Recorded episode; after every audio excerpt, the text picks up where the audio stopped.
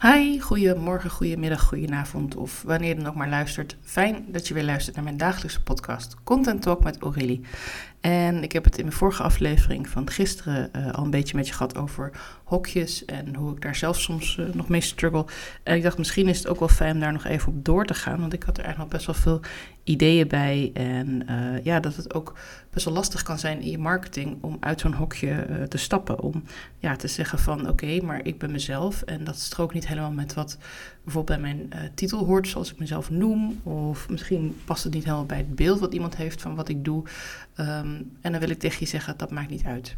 Ik wil heel graag jou inspireren in deze aflevering om echt jezelf te mogen zijn in je podcast, in je posts op Instagram of LinkedIn, in Facebook, uh, op je website, in je teksten. Uh, want uiteindelijk, als jouw klant dan met jou gaat werken, dan ziet ze ook niet iemand die uh, zich helemaal mooi heeft gemaakt of helemaal een eh, speciale manier van praten heeft aangemeten. Nee, dan ziet ze jou en jij bent gewoon mooi en goed en slim zoals je zelf bent. Ik bedoel, jij hebt die expertise, anders was je ook niet het vak ingegaan, anders was je ook niet op deze manier klanten gaan helpen. Dus het is eigenlijk alleen maar fijn wanneer je wie je echt bent ook kunt laten zien. En ik zat even na te denken en toen kreeg ik ineens een soort idee over een voorbeeldverhaal. Ik dacht misschien helpt dat wel een beetje om um, mijn verhaal te duiden, maar dan uh, eigenlijk meer op iemand anders. Zodat ik uh, eigenlijk diegene als het ware uh, kan vertellen uh, nou, ik ga het gewoon vertellen hoe ik dan denk dat zij dan uh, dit aan kan pakken. En ik hoop dat jij er ook wat aan hebt en dat jij er wat in kunt herkennen. Ik wil niet zeggen dat het op iemand gebaseerd is. Dus als je zelf er mogelijk stukjes in herkent, dan kan dat. Uh, want ja, ik praat best wel veel met ondernemers en daar haal ik ook deze inspiratie vandaan. Maar ik heb echt even iets bedacht, gewoon lukraak, van wat dingen bij elkaar gegooid, van waar iemand tegenaan zou kunnen lopen. En uh, het zou heel toevallig zijn als diegene ook nog echt bestaat en ook nog deze podcast luistert. Maar het is absoluut niet op enige waarheid. Uh, uh, ja, het is wel waarheid gebaseerd, maar niet op één persoon, laat ik het zo zeggen. Ik noem deze persoon Eva. Eva is achter in de dertig ergens en heeft een aantal jaren, nou, laten we zeggen 10, 15 jaar in de zorg gewerkt. Ze heeft er ook opleidingen voor gevolgd, cursussen voor gevolgd. Ze vond het altijd heel erg leuk om te doen, maar op een gegeven moment merkte ze van, ik wil meer, ik, ik wil iets anders gaan doen, ik wil op een andere manier met mensen werken. En ik merk dat ik erg vastzit in de processen, in de uh, teamvergaderingen, in doen zoals het moet volgens de organisatie waar ik werk. En ze voelde zich eigenlijk wel dat ze dacht: nee, ik heb nu heel veel ervaring en ik wil ook andere dingen proberen. Eva is ook uh, spiritueel geworden in de afgelopen, nou laten we zeggen, twee, drie jaar. Uh, ze is heel klein begonnen en is dat steeds meer gaan uitbreiden. En ze merkt ook dat zij komt ook bij haar cliënten thuis, dat ze dat heel erg fijn vinden wanneer ze dan met haar kan praten. En ja, dat ze ook een stukje uh, bijna heling kan geven door met mensen te praten en te luisteren. En ja, dat spirituele en dat praktische, dat weet ze heel erg goed uh, te combineren. En ze denkt van, nou, misschien is dat wel iets wat ik dan voor mezelf kan doen. Ze heeft ook een uh, vriendin die uh, voor zichzelf is begonnen. En die vertelt daar volop leuke verhalen over. Over alle netwerkpools waar ze heen gaat. En over alle mooie klanten die ze helpt. En toen Eva een keer een suggestie maakte van, nou, misschien is dat eigenlijk ook wat voor mij. Toen sprong die vriendin helemaal op van, yes, en dan weet ik ook een goede coach voor je. En Eva denkt, nou, ik weet niet of ik meteen nou met een business coach aan de slag wil gaan. Ik uh, wil eerst gewoon even kijken wat ik precies ga doen voordat ik uh, allemaal dingen ga volgen en zo.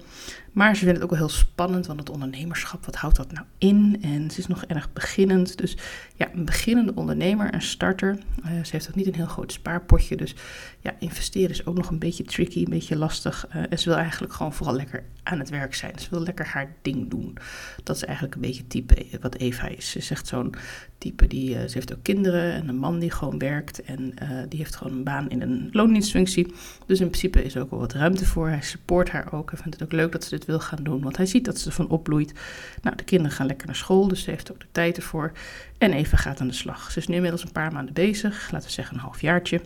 En uh, ze probeert heel erg zichzelf te zijn daarin. Ze probeert ook heel erg om uh, ja, te laten zien uh, wie ze is. En, maar ze vindt het heel erg lastig. Want iedere keer als ze dan denkt van ja, ik ben uh, vanuit de zorg gekomen. Dan denken mensen, oh ja, oké, dus je kunt mensen helpen met uh, bijvoorbeeld na een, uh, een, ongeluk. Of je kunt mensen helpen die wat ouder zijn en die nog op zichzelf willen blijven wonen. Nee, nee, ik wil juist mensen helpen met een, speciale, met een specifieke problematiek.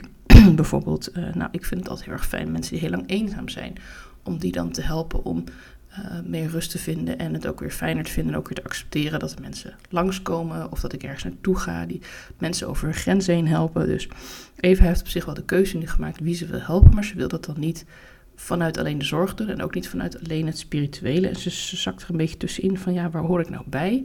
En ze is ook nog een beginnend ondernemer met heel veel praktijkervaring, werkervaring en opleidingen. Dus ze zit eigenlijk een beetje zo van ja, aan de ene kant begin ik iets nieuws. Uh, pas ik niet helemaal in het hokje van de zorg. Pas ik ook misschien niet helemaal in het hokje wat ik denk wat spirituele mensen doen met healing of massage of reiki of andere energy sessies. Maar ik pas ook niet echt in de reguliere zorg en ik heb heel veel ervaring daarvoor vind ik mezelf geen starter. Maar ik heb nog geen ervaring als ondernemer, dus ik ben wel een starter. Dus Eva denkt, hoe ga ik dit nou toch profileren? Hoe ga ik me nou zelf neerzetten? Dus als Eva dan bij mij zou komen en we zouden samen een blender sessie doen, dan uh, zou ik haar van tevoren even wat vragen van, goh, uh, wat doe je al? Uh, doe je al iets op Instagram of op je website? Nou, Eva die is ook begonnen met Instagram. Dat deed ze al privé, met foto's van de kinderen en zo. Maar ze heeft het allemaal eraf gegooid. En ze is nu echt wel bezig met te duiden wie zij is. Dus ze neemt af en toe ook filmpjes op, hartstikke stoer. Alleen ik merk heel snel dat Eva een beetje van de hak op de tak gaat. Ze vertelt dingen over de zorg en over hoe ze mensen wil helpen. Ehm, maar ze geeft eigenlijk niet echt precies aan wat die mensen dan precies aan hebben. Kortom, ze focust nog niet op het resultaat. Ze focust heel erg op in welk hokje ze past. Ze focust heel erg op: ik ben dit niet. Ik ben niet iemand die je gaat helpen uh, met, na, uh, met revalideren. Of ik ga je niet helpen als je op jezelf woont en je bent eigenlijk al wat ouder. Of, of je hebt wat gebreken waardoor niet alles meer helemaal goed gaat. Waardoor je hulp nodig hebt. Daarvoor ben ik er niet. En in plaats van dat ze heel duidelijk aangeeft waarvoor ze er wel is, is ze eigenlijk mensen heel erg van zich af aan het duwen met haar communicatie. Aan de andere kant uh, geeft ze aan dat ze spiritueel is, maar ze is ook heel praktisch. Met uh, voet op de grond en uh, ja, heel, hoe zeg je dat? ja, heel grounded, heel, heel ik, ik, ik zweef niet weg of zo, zegt ze wel in haar communicatie. Waarmee ze eigenlijk ook een groep mensen een beetje wegzet van nou, dit, dit is het ook niet helemaal. En daardoor komt ze eigenlijk niet uit de verf hoe ze echt is. Dus we gaan samen in gesprek tijdens de blender-sessie. En ik kom erachter wat ze eigenlijk wel is door haar een aantal vragen te stellen. En we komen erachter dat zij eigenlijk vanuit een hele grote passie om het helpen van mensen die echt last hebben van eenzaamheid. Dus ze neemt ook contact op met een organisatie die daar uh, wat voor doet. En uh, ze pakt ook een stukje vrijwilligerswerk op om ook zo meer mensen te leren kennen, om meer het gevoel erbij te krijgen. En op die manier ook uh, dat ze mensen alvast kan helpen, maar dat ze niet continu hoeft te werven voor mensen. En door dat vrijwilligerswerk leert ze uiteindelijk dan ook weer mensen kennen die, uh, die ze echt direct één op één kan helpen. Omdat ze dus niet alleen maar helpt met zo'n uh, gezellige meeting, donderdag één keer in de maand daar naartoe. En dan samen brunchen of lunchen of koffie drinken en dan weer naar huis. Maar ze helpt ook de mensen daarnaast nog.